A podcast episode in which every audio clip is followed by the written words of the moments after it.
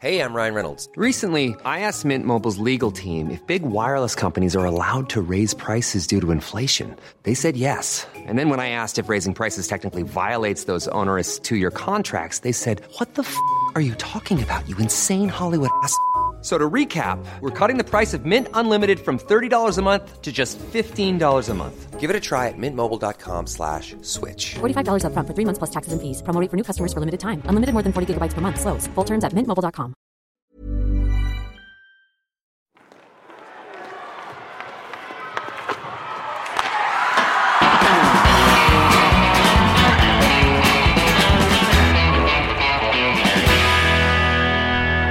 Ja, men då hälsar vi välkomna till eh, Sportbladets eh, nya hockeyallsvenska podcast. Eh, jag heter Mikael Ljungberg och vid min sida har jag Jonathan Gruvan Nilsson.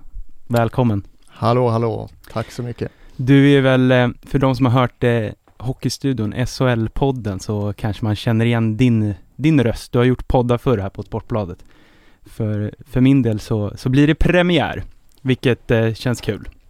Mm. Vi har väl inte riktigt något, eh, något namn på den här eh, eh, hockeyallsvenska delen av podden än, men jag satt och fnulade på och kanske, eftersom SHL-podden heter Hockeystudion, så kanske den här ska heta Hockeyallsvenska studion, eller något.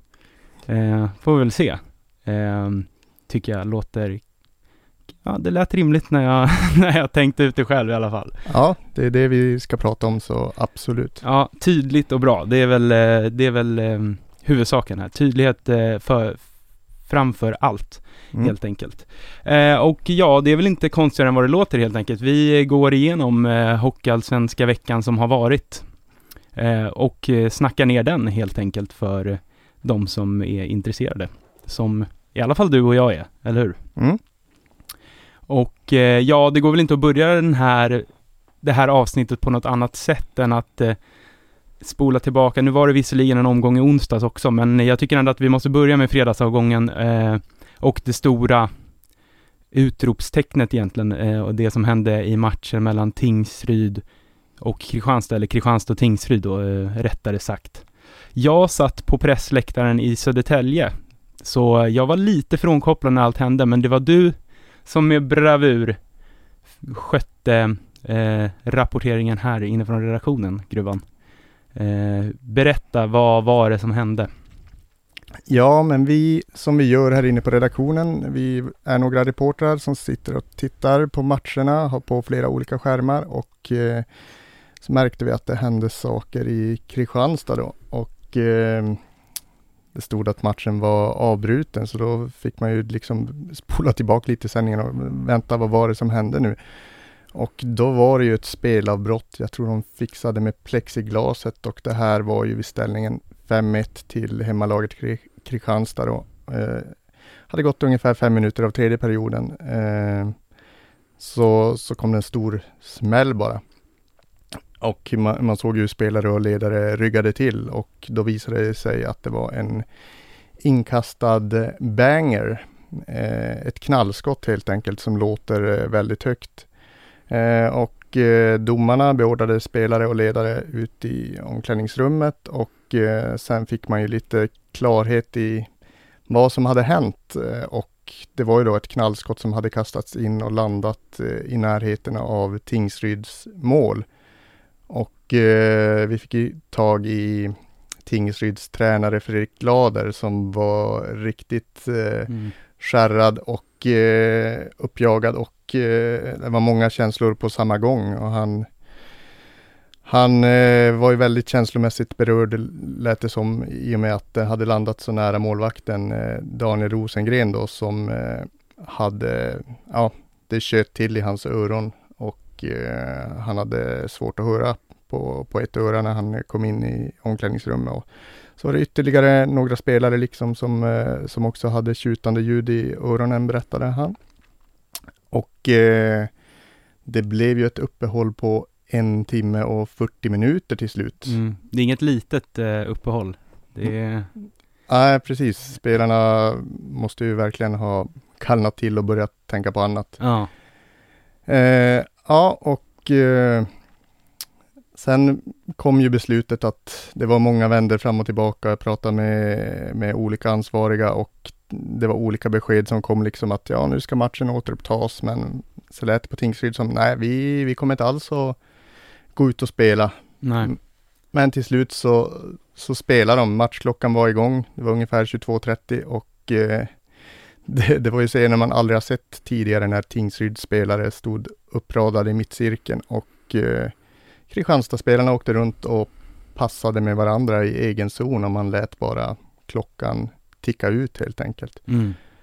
Eh, och eh, ja, det, det kom kritik från alla håll och kanter på det här och ingen var ju naturligtvis nöjd med att det blev så här. Eh, allra argast var ju Tingsryd som hävdade att de eh, inte ville spela klart det här men att de i princip blev hotade och att eh, Fredrik Glade var inne på att ja, vad hade hänt om vi inte hade spelat? Det Mm. går till någon tävlingsnämnd, står hela klubbens existens på spel eh, och så vidare. Vad kan det få för konsekvenser? Eh, och eh, sen har ju det här efterspelet fortsatt då. Ja, det har ju blivit en soppa av det hela kan man ju säga. Mm. Det är uttalanden på uttalanden och nya bud och grejer hela tiden.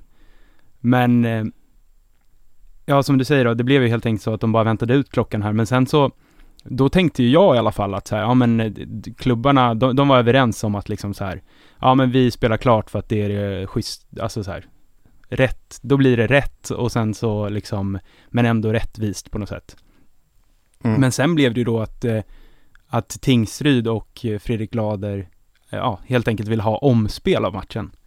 Eh, vilket har gjort att eh, nu, är det ju, nu har ju klubbarna lite så här eh, hamnat i en schism mellan varandra också på något sätt.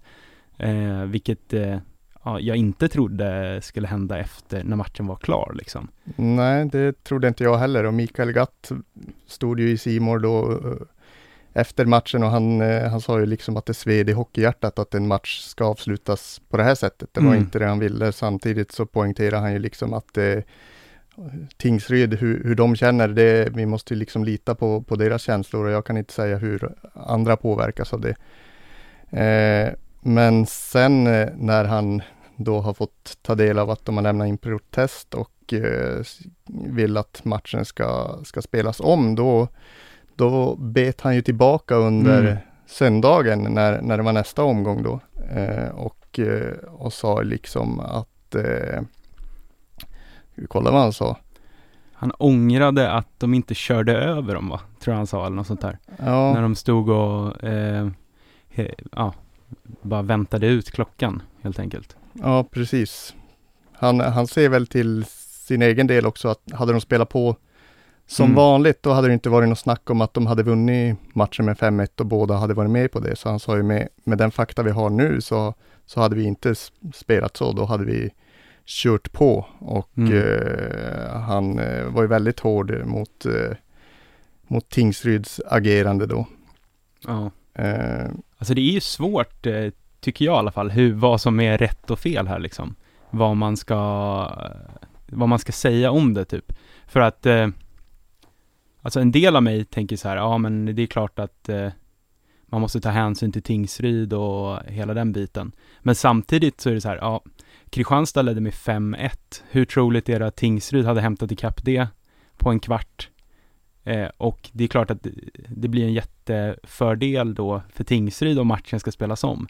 Samtidigt som Kristianstad på något sätt borde väl straffas för att de helt enkelt inte har klarat av säkerhetsläget i arenan. Eh, men sen om det, alltså jag vet inte vad, som brukar vara standard liksom, det är väl böter och, och sånt. Eh, kanske inte så mycket av det sportsliga resultatet. Mm. Och eh, givetvis, jag förstår ju Tingsryd att eh, det här får ju en sportslig påverkan, liksom att Mm. deras målvakt inte kan fullfölja matchen på grund av det som hände. Och den, eh, ja, det som hände med- med att han tappade hörseln eller fick gjutande ljud i, i öronen och så vidare. Ehm, ska man, eh, det hade väl varit rimligt om, om den nu kommer, vi vet inte vad som kommer hända, men Nej. eh, spela, spela om, återuppta matchen där den slutade Mm. och spela om de 15 minuterna. Mm. Sen är det givetvis ett projekt att samlas igen och spela matchen på en arena där säkerheten kan garanteras och så Mm. vidare. Och, och det krävs ju en hel dag till att spela en kvart då och så vidare. Ja, Men, nej eh, precis ja. Och det ska vi komma in på senare, men med ett spelschema som redan är eh, lite kaos så kan ju det vara svårt att få ihop det. Men samtidigt också det jag eh, ändå reagerade på som jag tyckte att det kanske finns, fanns en poäng i det Mikael Gat sa var ju att sen på söndagen så spelade du Tingsryd en annan match då, så helt, helt som vanligt. Nu har det, då har det visserligen gått 36 timmar, eh, eller vad det var, något sånt i den, i den stilen. Men, Ja, men det argumentet köper jag ändå inte lite utav. Det, det är klart man måste gå vidare och fortsätta spela om det har gått eh, ett och ett halvt dygn senare. Det, det är ändå skillnad på att gå ut chockade och spela eh, en eller två, två timmar senare. mm, Eh, sen var jag väl kanske lite förvånad att Daniel Rosengren stod och mm, storspelade. Han var, han var nära att hålla nollan till och med när Tingsryd vann med, med 4-1 mot AIK där. Mm. Nej, det finns ju många eh, aspekter att, väga in i det här och det är väl därför som ja, vi inte har fått något besked ännu. Det lär väl dröja. Det är väl mycket som ska, ska gås igenom. För samtidigt är det ju också så här, ja, eh, Kristianstads spelare var ju med om samma sak. Nu landade ju Bangen vid Tingsryds eh, målvakt och det var Kristianstads Kristianstad-fans som, som kastade in det här. Men det är, for, det är, en, det är en banger som har, som har gått av på Kristianstads eh, under Kristianstads match också liksom. Så att, ja, de borde ju också blivit påverkade, kan man ju säga. Absolut, det, där har han ju faktiskt en poäng också. Mm. Ja, nej, så att det, det, det finns väl egentligen inget, eh, inget eh, rätt svar här vad man tycker. Jag, jag förstår eh, båda, båda delarna, men jag, jag håller nog med dig om att eh, det bästa är bara att spela klart den där sista kvarten som blev, där de bara stod och väntade ut det liksom. Så får man väl ta det därifrån eh, och bara få, få den här matchen överstökad. Och sen får Kristianstad se över sina rutiner och att det inte händer igen helt enkelt. Men det är också, det känns som att vi pratar om det lite här på redaktionen idag, att det här med pyroteknik i hockeyn, alltså nu drogs det av en, en, jag vet inte vad man kallar det, men det var väl en bengal typ med Timrå, Timrås fans. Och för några veckor sedan när jag var uppe i Umeå, då var det Modo klacken, de körde någon form av rökbomb i eh, jag vet inte var, var den här trenden kommer ifrån, för jag kan inte minnas att, jag, att det har varit så vanligt inom hockeyn. Innan fotbollen har det liksom alltid varit eh, ja, men pyroteknik liksom. Mm. Du var väl på plats i första mötet mellan Djurgården och Södertälje också? Det med. Och då blev det ju, där var det ju också bengaler och det eldades flaggor och allt vad det var liksom. Eh, så att det, ja den här trenden vet jag inte vad jag tycker om riktigt. Att den här, eller var den kommer ifrån. För att alltså fotbollen är ju, det är någonting i mig som är så här, på fotboll, det är också en väldigt infekterad fråga det här. Eh, eh det finns eh, mycket åsikter och, och sådär med, med supportrar och, och bengaler och pyroteknik. Men fotbollen, där kan jag ändå tycka att så här, ja men eh, bränn av en bengal då, om ni tycker att det, det är kul liksom. Det, det tillför väl något. Men just med hockey när det blir så här, det är inomhus, det, det är trångt och tajt på ett annat sätt. Ja, jag vet inte vad det är. um, Nej, det är såklart det inte ska vara någon pyroteknik i en hockeyhall. I alla fall inte om man frågar mig. Nej, där, där är vi eniga. Där är vi eniga. Inomhus, absolut ett big no-no och jag kan tänka mig att en banger ekar Ja. högre i en, dessutom en liten tight arena som det är i Kristianstad också jämfört med om den hade skett utomhus. Eh, sen just innan vi började spela in det här så Svenska ishockeyförbundet har ju också fått eh, lite kritik för sin flathet i den här frågan och Mm. Nu har ju tillförordnade tävlingschefen Magnus Mårtensson pratat med vår eh, reporter Mattias Karlsson och då pudlar de ju lite grann och säger att vi, vi kan konstatera att matchen absolut inte skulle ha spelats klart med tanke på hur Tingsryd kände där och då. Mm. Eh, och eh, då kommer det här då gå vidare till en tävlingsnämnd och beslut vad som egentligen kommer hända säger de ska komma under veckan. Mm. Ja, för som det ser ut nu så kan ju Kristianstad spela som, som vanligt på onsdag. De möter väl BIK, tror jag. Mm. Karlskoga. Är det på hemmaplan till och med va? Jajamän. Ja, och som jag har förstått det så har man ju he- heller inte kunnat identifiera den här personen än som, eller den, de här personerna, eller personen, hur många det nu var som, som kastade den här bangen. Vilket gör att, ja, det skulle ju kunna bli så att de går på matchen på onsdag igen, liksom som om inget har hänt. Mm. Jag lite tvetydiga besked där när jag pratade med representanter från Kristianstad direkt när det hade hänt. Och Mm. då, den infon de hade då var ju att ordningsvakt har, har tagit eh, den här, de har identifierat den här personen. Ja. Eh, men sen mm, verkar det som att det, ja, det kanske är en fråga om bevisbörda och så vidare. Ja, nej precis. Det återstår väl att se där, men eh, vi kan väl konstatera i alla fall att det är en soppa eh, som eh, behöver kla- klaras upp eh, vad gäller hela den här situationen. Så får vi bara hoppas att det blir rätt helt enkelt. Eh, det, på ett sätt kan jag tycka ändå att det ändå var tur att det liksom inte stod 2-2 eller 2-1, liksom att det ändå var så här, ja det stod 5-1 till Kristianstad sådär. Så att kanske ändå inte ha så mycket inverkan på det rent sportsliga, för det är väl ändå eh, ja, det viktiga höll jag på att säga. Det, det är klart att det är viktigt hur spelare mår och det är en arbetsmiljö och allt sånt där, men, men ändå att det kanske ändå inte går ut så mycket över det sportsliga när allt eh, kommer omkring. Eller vad tror du? Ja, vi, vi hoppas att vi kan fokusera på sporten Ja, framöver och att vi slipper den här tråkiga trenden med publikstökerier på hockeyarenorna. ja verkligen. Eh, och så, så går vi väl vidare helt enkelt. Vi lär ju återkomma till eh, eh, både publik, säkerhet och eh, pyroteknik när vi ska prata lite senare om, eh, om derbyt som kommer här. Eh, men vi går vidare helt enkelt till där jag befann mig på fredagskvällen. Mm. Det var sena Super Friday-matchen mellan Södertälje och Djurgården. Vad tycker du om Super Friday? Ja, men mm, jag som eh, ofta jobbar eh, fredagar inne Ja. på desken då, det, det är ju en sportkväll där det inte händer så mycket annan livesport, så då som hockeyälskare är ju superfredag varje löningsfredag då som Hockeyallsvenskan kör med som en skänk från ovan. Mm, ja, det är det. Eh, Kvällen går ju. Ja, Eh. precis. Det, matcher hela kvällen lite utspritt, utspritt så nej, tummen upp. för det. Eh, jag håller med. Eh, Däremot så insåg jag när jag var på plats eh, på arenan att det är fan sent med en match 20.30.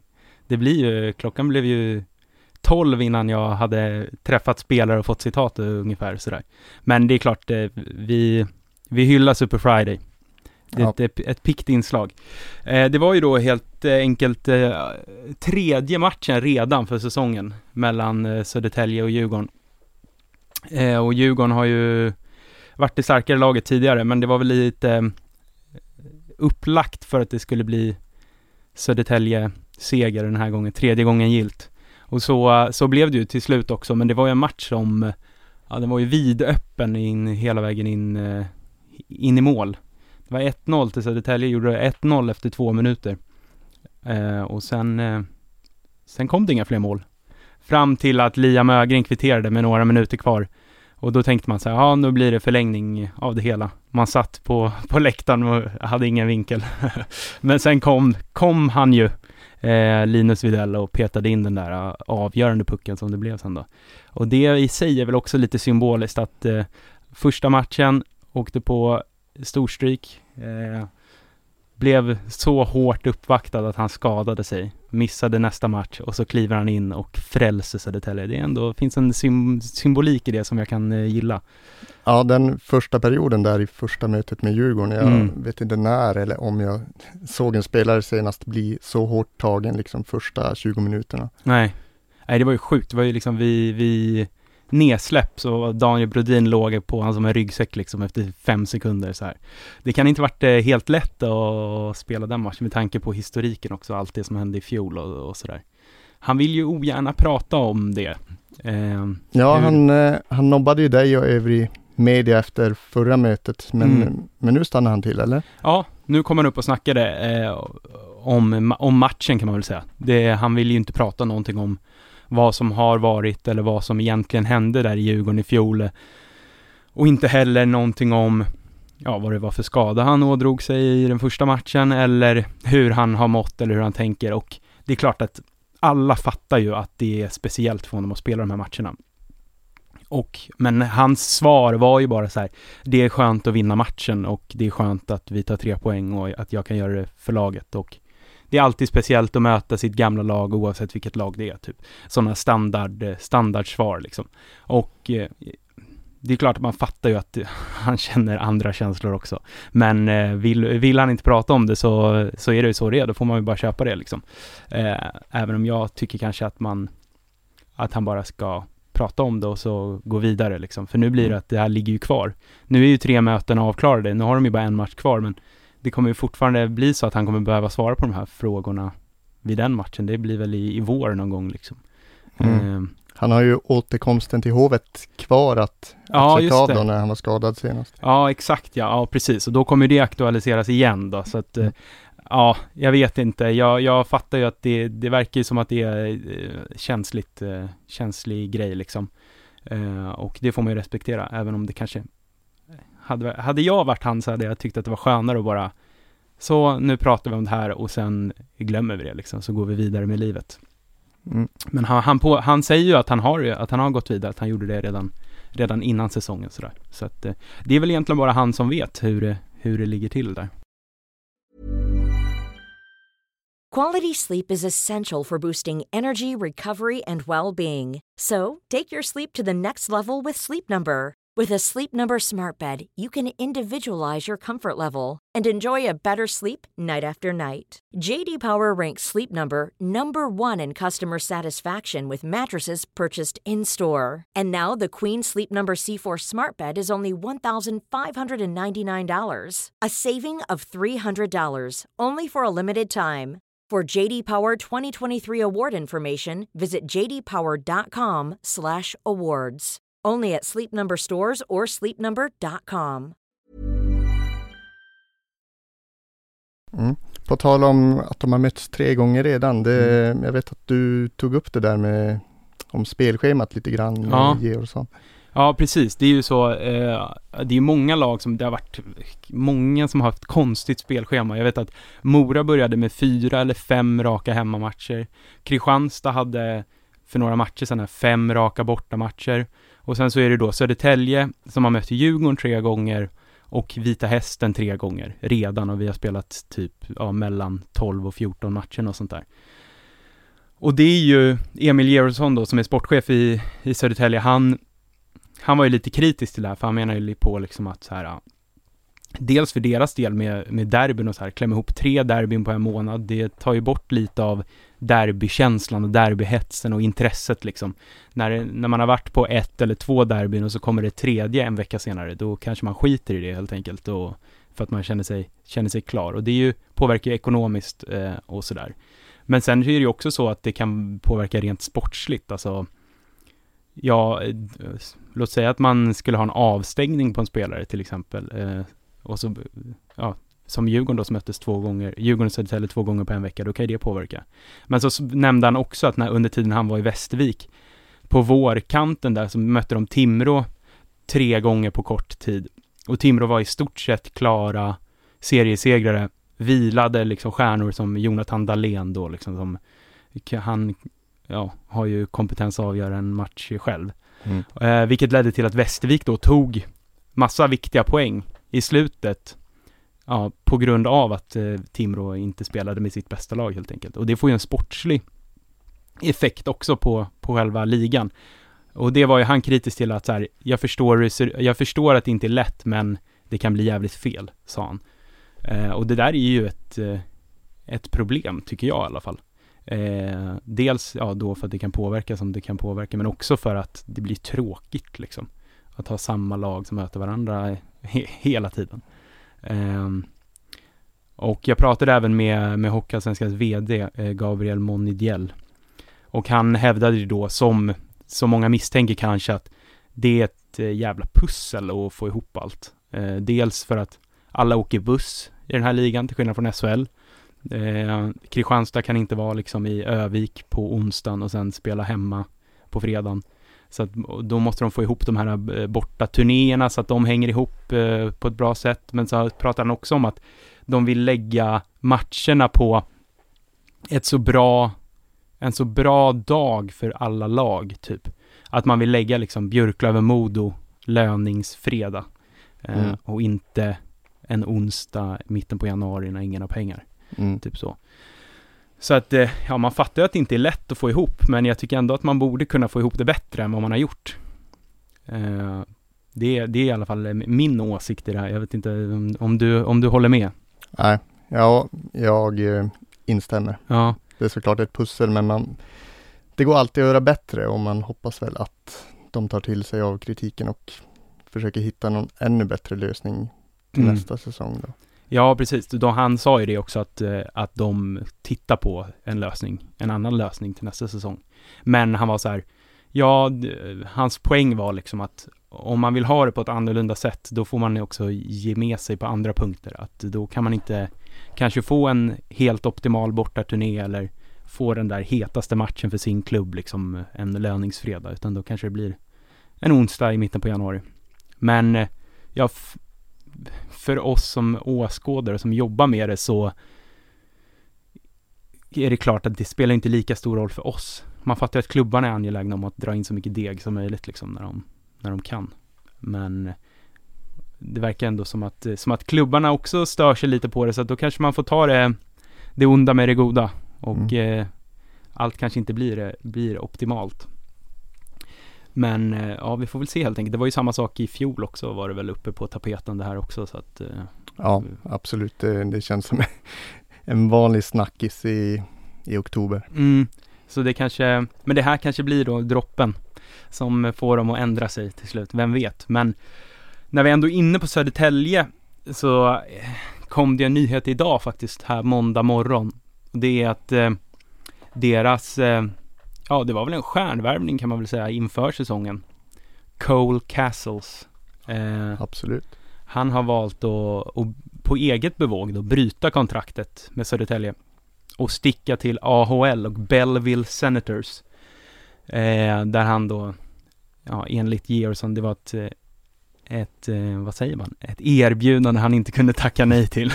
Så här klassisk eh, sägning.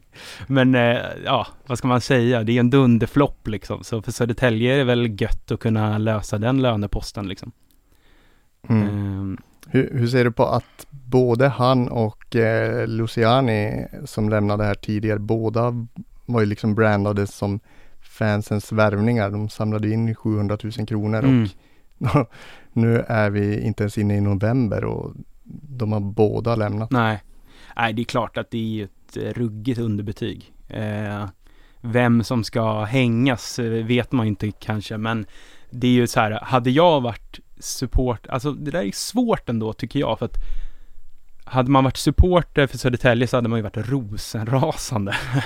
att liksom, nu verkar det ju som att eh, det löser sig rent ekonomiskt med de här spelarna, att det blir andra klubbar som tar över löneposten.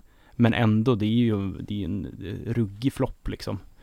Eh, så att en, en del av mig hade ju varit förbannad att man inte kan hitta rätt spelare samtidigt som att så här, "Vad fan ska man gå och dra med dem om de inte levererar? Det är lika bra att bara ta tjuren vid hornen. Ja, där håller jag med. Det ska inte heller vara en belastning att tänka att ja, fan, eh, det här har fansen hjälpt till att samla in. Nu, nu måste vi ha extra tålamod för den skull, utan det är bara att se till det sportsliga och Mm. ta, ta bäst beslut även fast det svider. Ja, nej det är ju, eh, alltså kollar man på Castle så han har gjort liksom två assist hittills, inte ett enda mål. Eh, så att det är klart att det är för dåligt helt enkelt. Sen vet jag inte, sen vet man ju inte vad det beror på, det, om det är liksom den, ökända stora rinken som ställer till det eller vad det är. För nu ska han ju ta AHL liksom, så de ser väl uppenbarligen någonting i honom. Han kan inte vara helt eh, värdelös. Nej. Men eh, ja, det är klart att det, det är ju anmärkningsvärt alltså. Med tanke på att deras tredje stjärnvärvningar, om man ska säga Krastenbergs, heter han va? Renage Krastenbergs, svåruttalat namn. han eh, har inte heller levererat eh, riktigt. Han hade en i stolpen mot Djurgården, men det blev inte bättre än så. Mm. Inget mål ännu, fem assist va? Fem assist och noll mål, så att eh, ja, det är inte heller godkänt. Men eh, jag tror att Han var rätt vass på försäsongen. Så. Ja, precis ja. Då gjorde han ju, det här, jag tror att han var deras eh, poäng, eller jag vet att han var deras poängbästa spelare. Så att det, det kanske är därför de har lite mer tålamod med honom. Men ja, vad ska man säga liksom om, om han också skulle lämna. Då är det de tre stora värvningarna ehm, åker ut innan, innan Ja. jul.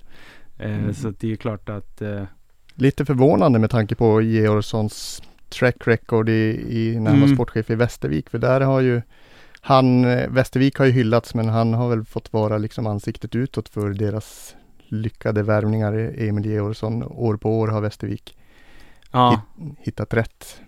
ja, verkligen. Eh, och med tanke på att nu vet jag inte vad Georgsson gjorde innan han drog då, men att Vä- Västervik har hittat så jäkla rätt i sina transatlanter även i år. Så, att säga, så börjar man ju fundera på vem det är i Västervik som är hjärnan bakom allt det här.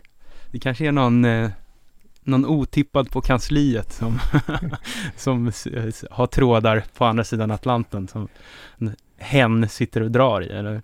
Det är något med vattnet kanske. Ja. Det måste vara det. Eh, kusten höll jag på att säga, men det är väl eh, det, Södertälje, nej det blir ingen, nej, glöm det. Eh, det. Det är väl nära kanske till vattnet ändå. Men eh, vad var det jag tänkte på? Jo, eh, det var lite kul, bara en liten kuriosa, för jag fick eh, höra eh, när jag var på Hovet att eh, Georgsson ska ha Ja, det jag fick höra var avrått eh, Gudmundsson från att värva Brickley. För att han ska få då fått, ja men dåliga vitsord om, om Brickley. Men Gudmundsson var, han dementerade de här uppgifterna och menade på att ja, ja, mm, man får väl alltid dåliga vitsord om alla spelare. Man får höra både bra och dåligt och sådär. Men eh, det hade ju varit något om, om de hade tackat nej till Brickley som eh, nu gör dundersuccé. Uh, har du sett någonting av honom? Eh, ja, det var väl främst i början där, när han liksom öste in poäng och Mm. man såg att den här killen har en högre nivå Ja. i sig liksom där ute på isen. Sen Gudmundsson som du pratade om kanske måste nämna att det är Martin Gudmundsson som är sportchef och tränare i, i Västervik nu. Just det. Ja, precis. Bra att du gör det tydligt. Nej, Brickley tycker jag är eh, fruktansvärt eh, rolig att kolla på. Um, alltså hans, hans öga för spelet är ändå något, eh, det var några, några, han bröt några passningar där mot Djurgården på Hovet som var helt, eh, det var helt otroligt att, att se vilken blick eh, han har för spelet. Eh, och han verkar ju fortsätta leverera och kommer väl inte bli så långvarig i den här ligan va? Nej, det, det tvivlar jag på att han spelar nästa år oavsett hur det går för Västervik. Ja, precis. Det är väl till och med tveksamt om han spelar säsongen, säsongen ut. Ja, precis. Det lär väl vara en och annan SHL-klubb som är och, och rycker i honom, tror du inte det? Ja, annars, annars är det något som är fel. Ja, verkligen. Men eh, kul eh, för Västervik ju att de eh, kan lyckas även, även utan Georgsson då som har varit i alla fall den som har hyllats. Sen vet vi väl inte om det är någon på kansliet som ska hyllas eller inte, men, men det är ju roligt. Mm. Sen nu har ju vi, nu är det här första avsnittet eh, av den Hockeyallsvenska podden. Så vi har ju inte hunnit prata om ändå den stora värvningsbomben eh, i Hockeyallsvenskan som eh, vi ändå måste benämna även fast det var, vad är, är det en vecka sedan eller? Det kom typ. Ja, Något i, sånt. in, inte ens det. Ja, ungefär. Ungefär en vecka sedan. Mm. Vem tänker jag på? Ja, det var en vecka sedan. Eh, kanske Linus Klasen. Ja, det kan vara det va? Mm. Eh, kul ju att få in en sån lirare i Hockeyallsvenskan. Ja, absolut. En dunderprofil. Ja. Är väl inte för stora ord. Nej, det är nästan för små gruvan. Ja. Eh, nej, det är ju såklart eh, otroligt. Eh, man vet ju vad han kan göra liksom från, från vad han har, har ställt till med tidigare när han har varit ja, i Luleå bland annat. Ja, han, han har ju snittat en poäng per match i stort sett var han än har spelat under hela sin karriär. Mm. Och eh, i powerplay så har han ju få övermän i, i svensk hockey. Nej, så är det ju. Och det är ju Ja, det ska bli, han, han såg ju till att stänka in en pinne direkt i alla fall när, i sin första match där han serverade Brodin fint i slottet. Men I powerplay. i powerplay. Som sig bör. Men eh, det är ju ändå, alltså nu är det ju så mycket stjärnor i det där Djurgården att eh, nu är det bara att leverera. Ja, pressen blir ju inte mindre om man säger så. Nu, och det sett till namnen de har, de ligger ju hyfsat med i toppen, men eh, framförallt spelet fem mot fem, det, det är Mm. ju special team som har sminkat över eh, resultaten här, skulle jag säga, i inledningen av säsongen.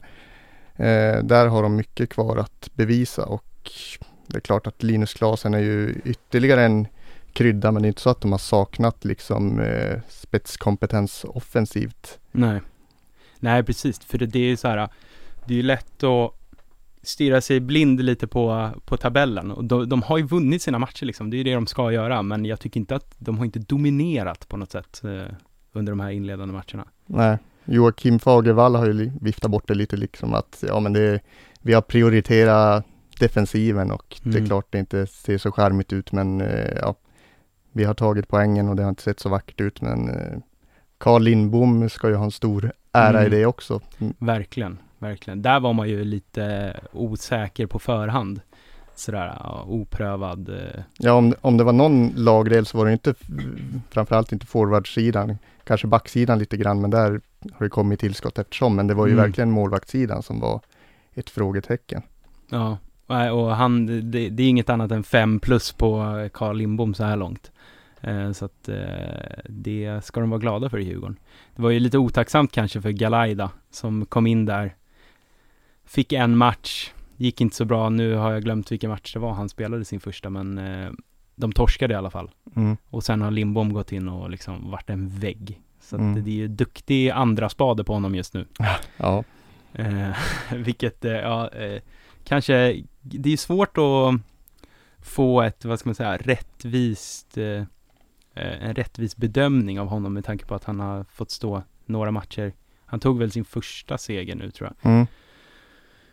Men eh, med tanke på att Lindbom har spelat så sjukt bra så blir det ju lätt att man tänker att han är sämre eller dålig för att eh, ja, man jämför med Lindbom liksom. Mm. Kanske lite orättvist mot Galaida. Ja. Så här eh, inledningsvis, men men hans, hans tid kommer som mm. Håkan Hellström hade sagt till honom kanske. Mm. eh, men på tal om då eh, vad säger man, tabelltoppen. Så från Djurgården så är det ju inte speciellt långt då när man kollar till, eh, till Björklöven.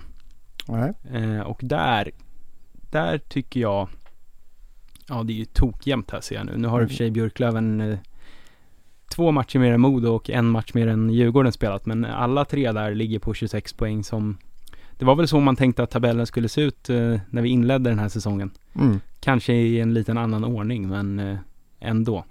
Och Västerås som har gjort det riktigt bra, fyra där, eh, fyra poäng efter dem, men de har bara spelat 11 matcher till skillnad mm. från 12, 13, 14 matcher på dem.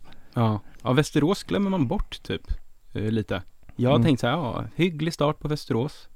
Men eh, det är en, eh, det är en ruggig bra start om de eh, ser till att vinna de här matcherna som de eh, har upp på lagen ovanför. Mm. Och där under ser vi Södertälje och Karlskoga, så det topp 6 har verkligen satt sig. Alltså, mm.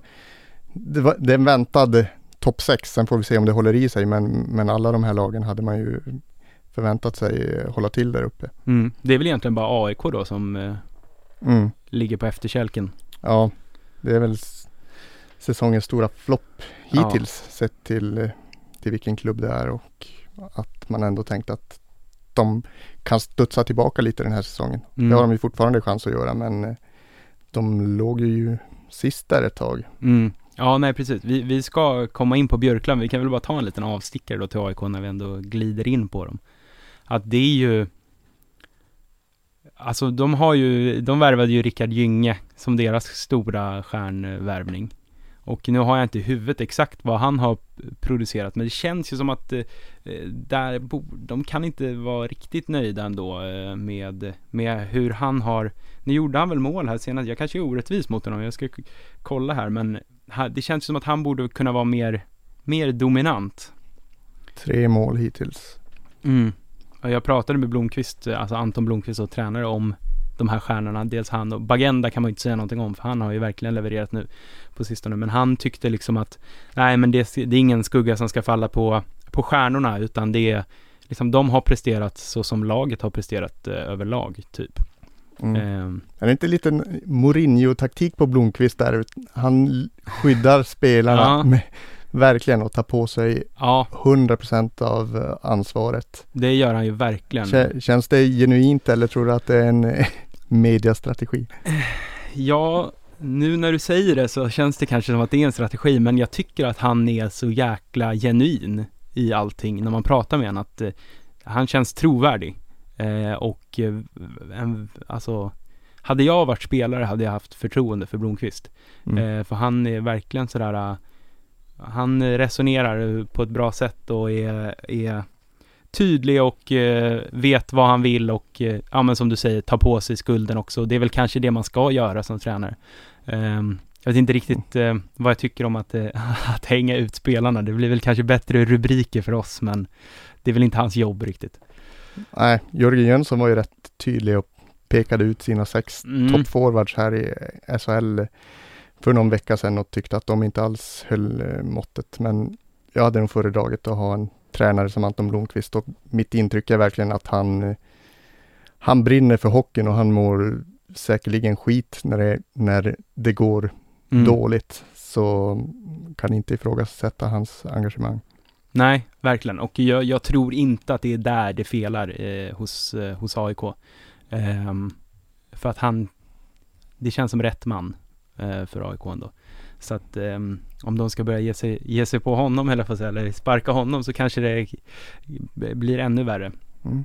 Så sitt lugnt i båten är väl, är väl vårt tips, eller Mm. mitt kanske. Jag vet inte Mm. om du håller med. Men, Ja, men, eh, nej, men det var en kort, eh, kort avstickare om, eh, om AIK. Vi ska gå in på Björklöven. ja, Eh, som, eh, där tycker jag att man kan säga dominans i matcherna. Håller du med? ja, de har steppat upp Mm. Absolut. Eh, Jag var på Hovet, nu är det väl en och en halv vecka sedan kanske, när de mötte Djurgården. Och eh, Djurgården vann ju till slut tack vare en stark tredje period när de vände, vände och vann. Men eh, Björklöven var det bättre laget i de två första perioderna och kändes mer som ett färdigt lag. Mm. Och var väl de som egentligen styrde på borta is. Eh, så de känns lite, har känts mer dominanta på ett annat sätt än, eh, än Djurgården. Ja. ja, jag tycker att när man ser eh, Björklöven spela så när de väl får fart på grejerna, nu kollade jag med ena ögat på mot, eh, mot Östersund, men det är nästan så att det är så här slutspelsvibbar typ. De bara gasar och bara kör liksom. Det är show eh, hela tiden. Eh, och där är det ju en spelare som, som sticker ut framför allt. Ja, Nick Schilke eh, har ju haft sanslös eh, utdelning så här långt. Ja. Vad har han? 12 mål och 8 assist eller? Mm, Ja. stämmer, 20 poäng och 12 mål varav eh, hälften av dem kom ju i två raka matcher där. Mm. Eh, nu, nu är vi ju någon vecka bakåt i tiden men det var ju ändå liksom det hade hänt två gånger tidigare i hockeyallsvenskans historia Mm. och jag läste någonting om att ska vi hitta spelare överhuvudtaget i, i hockeyvärlden på hög nivå som har gjort hattrick tre matcher i rad, då är det Bobby Orr och Mm. eh, någon till. Eh, nu blev det ju inget tredje hattrick mot. Djurgården där, han gjorde bara ett mål, vilket jag påpekade efter matchen. Han skrattade lite att ja, jo, nu går det ut för. Mm. Men eh, lite intressant att han själv eh, berättar att han ser sig egentligen i första hand som en spelfördelare och Mm. söker passning i, i första hand. Men eh, han har väl mer och mer börjat hitta nätet och är ju absolut en sån som uppenbarar sig i läget så, så ska han försöka trycka dit den och eh, det har han ju verkligen gjort så här långt. Ja. Nej, det är ju, det är ju, eh, det är ju galen leverans på, på alla egentligen transatlanter i, i, i Björklöven. Alltså Mm. för man, man stirrar sig lätt blind på Kilke, men då ska man veta att Pooley, Scott Pooley har gjort 6 plus 8. Fitzgerald, han var i och för sig med förra, han är inget nyförvärv då, men 3 plus 7 och sen eh, Fortier 5 plus 4. Det är ju en bra poängskörd. Mm.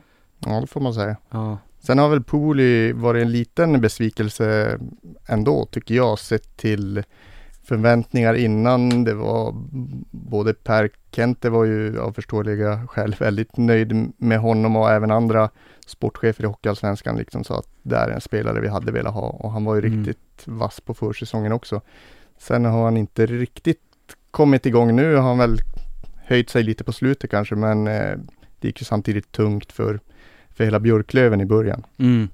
Men där känns det nästan som att de har ett sparkapital också, att Schilke liksom en, en bonus, att han har varit så jävla bra som han har varit. Mm. Ja, det känns ju sjukt att säga att man har ett sparkapital i, när de har levererat så som de har Mm. gjort ändå. Mm. Alltså Pooley, Schilke och Weigel, den kedjan kommer ju bli livsfarlig framåt vårkanten. Ja, äh, där har de hittat bra kemi får man säga. Mm, ja, verkligen.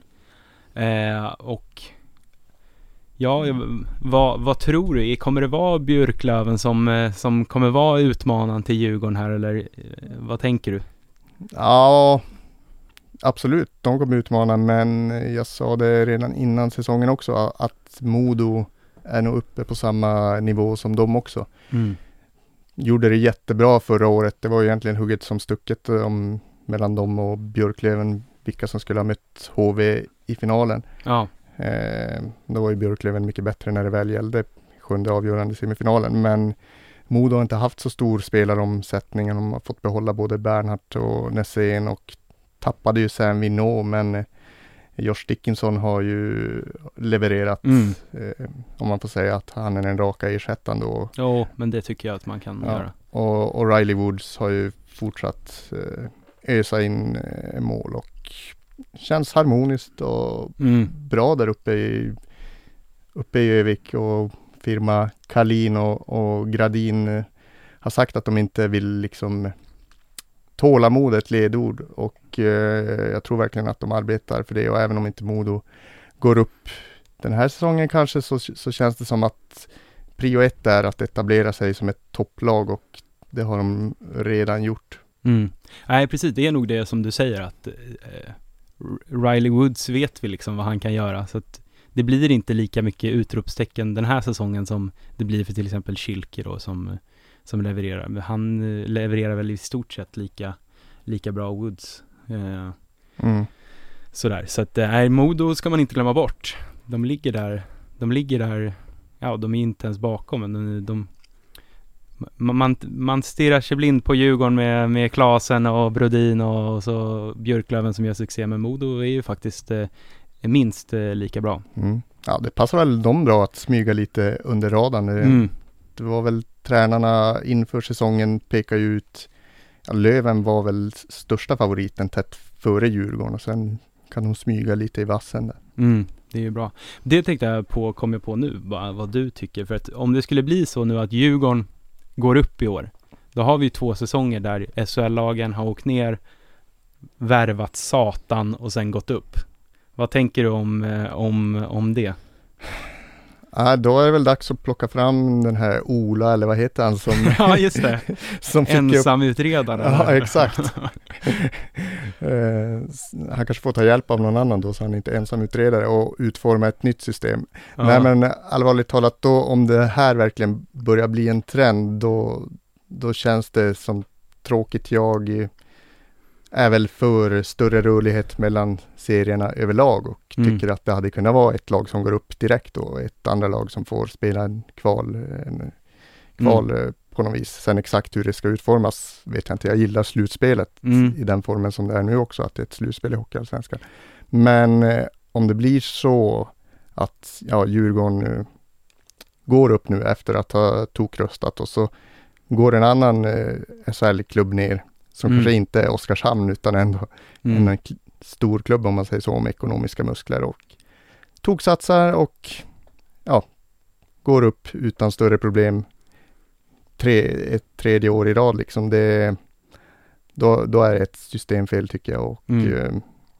eh, vi får se. Då får man börja se över det där. Mm. Ja, kanske fram med lilla kvalserien igen. ja, Ja men jag håller med dig om att eh, jag gillar ändå slutspelet. Sen, eh, jag var ju lite, lite skeptisk i början, ska erkännas. Men eh, det blir ju, det blir härligt på något sätt. Eh, Det blir ju som, som, som SHL fast, fast ett snäpp ner på något sätt. Så att det är ju, det är mycket bättre nu än vad det var innan med det här SHL möta och Hockeyallsvenska finalen och allt vad det hette. Det var ju stökigt det där systemet. ja, man behövde ju vara raketforskare för att Ja. förstå hur det, hur det skulle gå till. Ja, då är det verkligen något fel. Vi ska, eh, tiden springer ifrån oss, men vi ska bara avhandla lite snabbt tycker jag ändå. Eh, nykomlingen för i år, Östersund, som är helt... eh, Jag blir galen på Östersund, för jag fattar inte vart de står. Eh, är de bra eller är de dåliga? Jag har ingen aning. De började ju bra, och då var man väl lite så här, ja ja, det är bara en nykomling. Klappa ihop fullständigt, släppte in 28 mål eller vad det var på Mm. fyra matcher. Och sen så hittade de tillbaka, spika igen. Släppte in typ inga mål. Mm. Vad är det för psyke på Isak Mantler, eh, målvakten då, som släppte in, eh, ja det var ju sju, och åtta mål några matcher i rad där. Ja. Och sen går han och spikar igen och håller nollan eh, två matcher i rad. Var det så pass? att- Ja, var det. Otroligt. Nej, det är klart, det, det, är ju ruggigt starkt. Men också, det känns lite som att Östersund, när de är med i matchen, då spelar de jävligt bra. Men när de börjar hamna i liksom tvåmålsunderläge, då springer det iväg liksom som det blev nu senast med, det blir 7-3 liksom. Men om man kollar på mot Modo, så där de var med och då lyckas de liksom hålla igen på något bättre sätt. Det är som Mm. att de, de, de släpper när, när det börjar ramla in lite mål bakåt. Men, men eh, Ja, det är oklart vart, vart de står. Vi kan enas om att det är en frisk fläkt. Verkligen. I. Eh, verkligen. Det är kul att, att få upp nya, nya lag. Eh, så att det inte är, är samma hela tiden liksom. Mm. Har du, du har inte hunnit vara upp dit och uppleva deras pressläktare ännu eller? Nej, jag har inte det. Nej, inte jag heller, men jag har sett någon bild att den är liksom ser ut som en ståplats på kort, kortsidan nästan. Ja, jag såg bara någonting i premiären att de fick sitta på liksom pinnstolar typ med datorn i knät. Ja, det, Eh, så ska det vara i Ja, det Hockeyallsvenskan. det är klass. Ja. Men det är också bara snabbt på tal om mötet med Modo så tycker jag att det är kul att har blom, blomstrat fram någon form av rivalitet mellan eh, Östersund och Modo. Det är ändå eh, kul tycker jag. Det, de, de pikar varandra lite där på Twitter, klubbarna emellan. Eh, Så, Mm. Såg du det? Vad som, Ja, jag såg lite snabbt, det handlade någonting om eh, beläggningen på arenorna, att det bara var modoiter.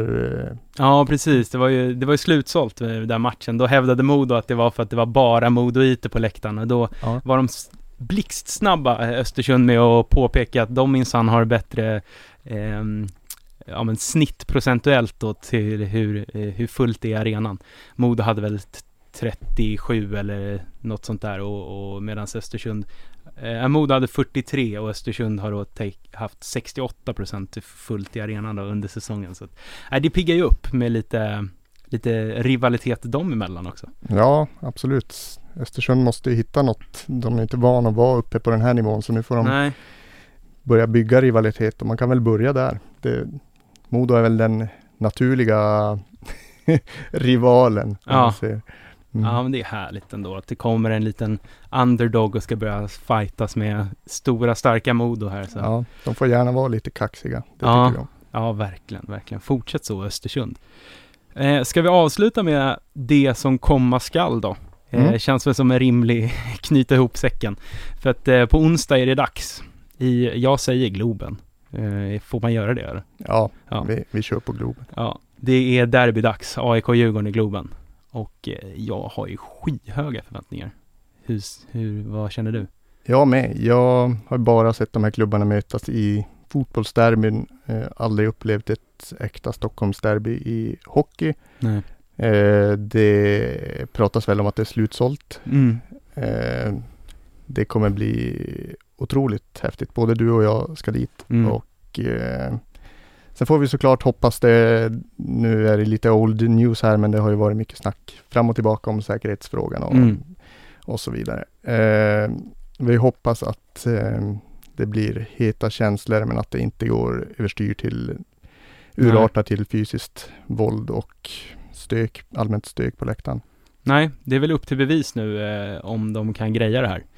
Mm. Eh, och eh, det är väl bara hoppas att de är så smarta att de fattar att eh, skiter det sig nu, då blir det inga fler borta sektioner på, på Stockholmsderbyna som är kvar sen. Ja, Eh, men nej, men det ska bli spännande att se. Det, är ju, det blir ju profiltätt eh, på isen ändå med Gynge och Sandberg och ja, till viss del Bagenda då också. Och sen på andra sidan så, eh, ja, det har vi avhandlat vilka stjärnor som står där. Mm. Så att eh, det blir ju profilernas, eh, profilernas kamp. Mm. Tror du att det kommer bli, alltså om man tittar bara tabellmässigt och truppmässigt så ska ju Djurgården vara skyhöga favoriter. Mm. Sen återkommer alla spelare till ett derby är ett derby. Mm. Och eh, ja, det ska bli spännande att se hur de hanterar det. För det, det är nog många av spelarna på isen som inte kommer att ha varit med om något liknande. Nej, så är det ju. Och eh, det känns lite som att det har varit så här AIK spelar hockey när de känner för att spela hockey typ den här säsongen. Om de inte känner för att ho- spela hockey på onsdag då, Ja, nej men då är det ju något fel. Alltså det är bara att kolla på hur de ändå levererade mot Södertälje när det var, ja, något form av eh, halvderby då, kan man väl kalla det. 08-derby som det kallas lite, Mm. lite slarvigt. Men nej, det är bara att hoppas att eh, de lever upp till, eh, till förväntningarna och att det blir lugnt och skönt, eller inte lugnt och skönt ska jag inte säga, men att det blir, vad ska man säga, bra nivå på det hela. Mm, Eh, framförallt på läktaren då. Eh, det, är väl, det är väl det mm. som gäller. Innan vi knyter, eh, knyter ihop det här helt så eh, har jag förberett här en liten veckans jag snor från TV4-nyheterna rakt av. En kanon och kalkon. Ja men då ska vi lägga ner renodlade sportsändningarna Ja, så det är bra det. att du är på hugget och Ja, roffar åt det. man får ta de chanser man får. Vet du. Eh, det är ett koncept som såklart är eh, otroligt kul. Ehm, och ehm, ja, jag, har- jag har tagit en kanon och en kalkon från veckan som har varit då, helt enkelt. Mm. Ehm, och eh, ska jag börja med kalkonen då, helt enkelt? Ja. Ja, det här är ju då kanske någonting som har gått lite under radarn eh, om man bara läser eh, kanske sportnyheterna och sådär. Men det är så i matchen mellan Mora och eh, Björklöven eh, i fredags så blev det en, en schism i, i Moraklacken eh, helt enkelt. Där det då, det kom först rapporter om att en del av hemmaklacken hade blivit utskickade från arenan helt enkelt, eh, eller från ståplats. Eh, och det blev ett väldigt liv eh, på sociala medier kring det här. Men sen då visade det sig att så, så var det inte alls, utan det var en, en del av klacken som hade lämnat i protest för att de helt enkelt hamnade i, någon form av, jag vet inte om det var bråk, men med, med liksom en annan del av supportrarna. Eh, så att eh, när det här kom ut då att eh, de, de hade blivit utkastade, som det hette från början. Då hade folk hört av sig till klubben och sagt att så här, jag bett om ursäkt, att nej, förlåt att vi skrev så här, det var faktiskt inte så det hände och så där. Mora gick ut med ett, eh, med ett uttalande om att så här, eh, ja, det har kommit felaktiga rykten på sociala medier, det är inte alls så här det är då. Men så visade det sig då att det, de hade blivit nedtystade, för de, de bedrev någon egen form av verksamhet där på, på, på ena sidan av klacken och sjöng egna ramser och sådär. Eh, och det tyckte väl den andra delen av klacken inte om, så att de hade blivit nedtystade och sådär. Och eh, jag kan tycka att så här, ni är inte så många, så ni får hålla ihop nu. Eh, ni, kan, det, eh, ni har inte råd att liksom bråka med varandra, utan eh, håll ihop i Moraklacken. Ta ett snack, rensa luften. Exakt så. Så att eh, de, de åker på eh, veckans eh, kalkon. Mm. Och kanonen då, det här är en, en punkt jag tycker om otroligt mycket. Eh, Östersund, återigen, pigga Östersund. Eh, de har under, deras assisterande tränare, eh, Marcus Molin, har varit lite frånvarande. Och då under tiden har de plockat in J20-tränaren eh, på sidan om honom. Och han har ett så otroligt namn så att, eh, ja, det, det, är- det är kanon, verkligen, det här namnet. Ja. Han, han, han har då två, han heter ett dubbelnamn i förnamn och mellannamn. så att hans fullständiga namn då är Kjell-Ivar Sven-Erik Lundholm. och det är, det är fem plus det namnet. Fem dansande plus, ja, fem verkligen. dansande plus. Det blir inte bättre. Det känns inte mer, det känns så mycket Östersund på något sätt. Att ha Mm. liksom Kjell-Åke och Kjell-Ivar på bänken. Ja, Det är det är, för, för de har redan Kjell-Åke där som... eh, precis. Mm. Nej, så det är otroligt. Nu får vi väl se ehm, hur länge han blir kvar då. Jag vet inte ens eh, om, om han fortfarande är kvar, men eh, det är ju en otrolig, ett otroligt namn och en otrolig tränarduo. Jag läste en, en artikel i Östersundsposten också, där det visade sig att han eh, var otroligt bra på engelska, den här eh, Kjell-Ivar. Han hade, han hade kontakter i USA, så han var sj- sjukt bra på engelska, så Kjell-Åke hade sagt att han inte vågar prata engelska mer nu när, när, han, eh, när han har varit med på träningarna. Så att, eh, nej, återigen visar ju Östersund sig från eh, sin bästa sida. Mm. Pigga Östersund. Eh, och eh, med de orden ska vi väl runda av det här, den här veckan. Första premiäravsnittet. Hur känns det? Ja, men tiden sprang iväg i alla fall och Verkligen. det, det är väl positivt. Ja, verkligen. Det, det tycker jag också. Eh, ja, mot en timme börjar vi rulla upp här och eh, då gör vi väl bara så att vi helt enkelt eh, tackar för oss och eh, för att ni har lyssnat. Mm. Och så hoppas vi att vi hörs nästa vecka igen. Mm. Ha det fint. Ha det fint. Hej!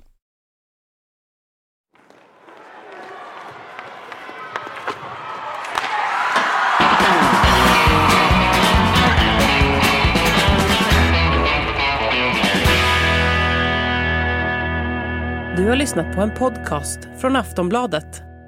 Ansvarig utgivare är Lena K Samuelsson.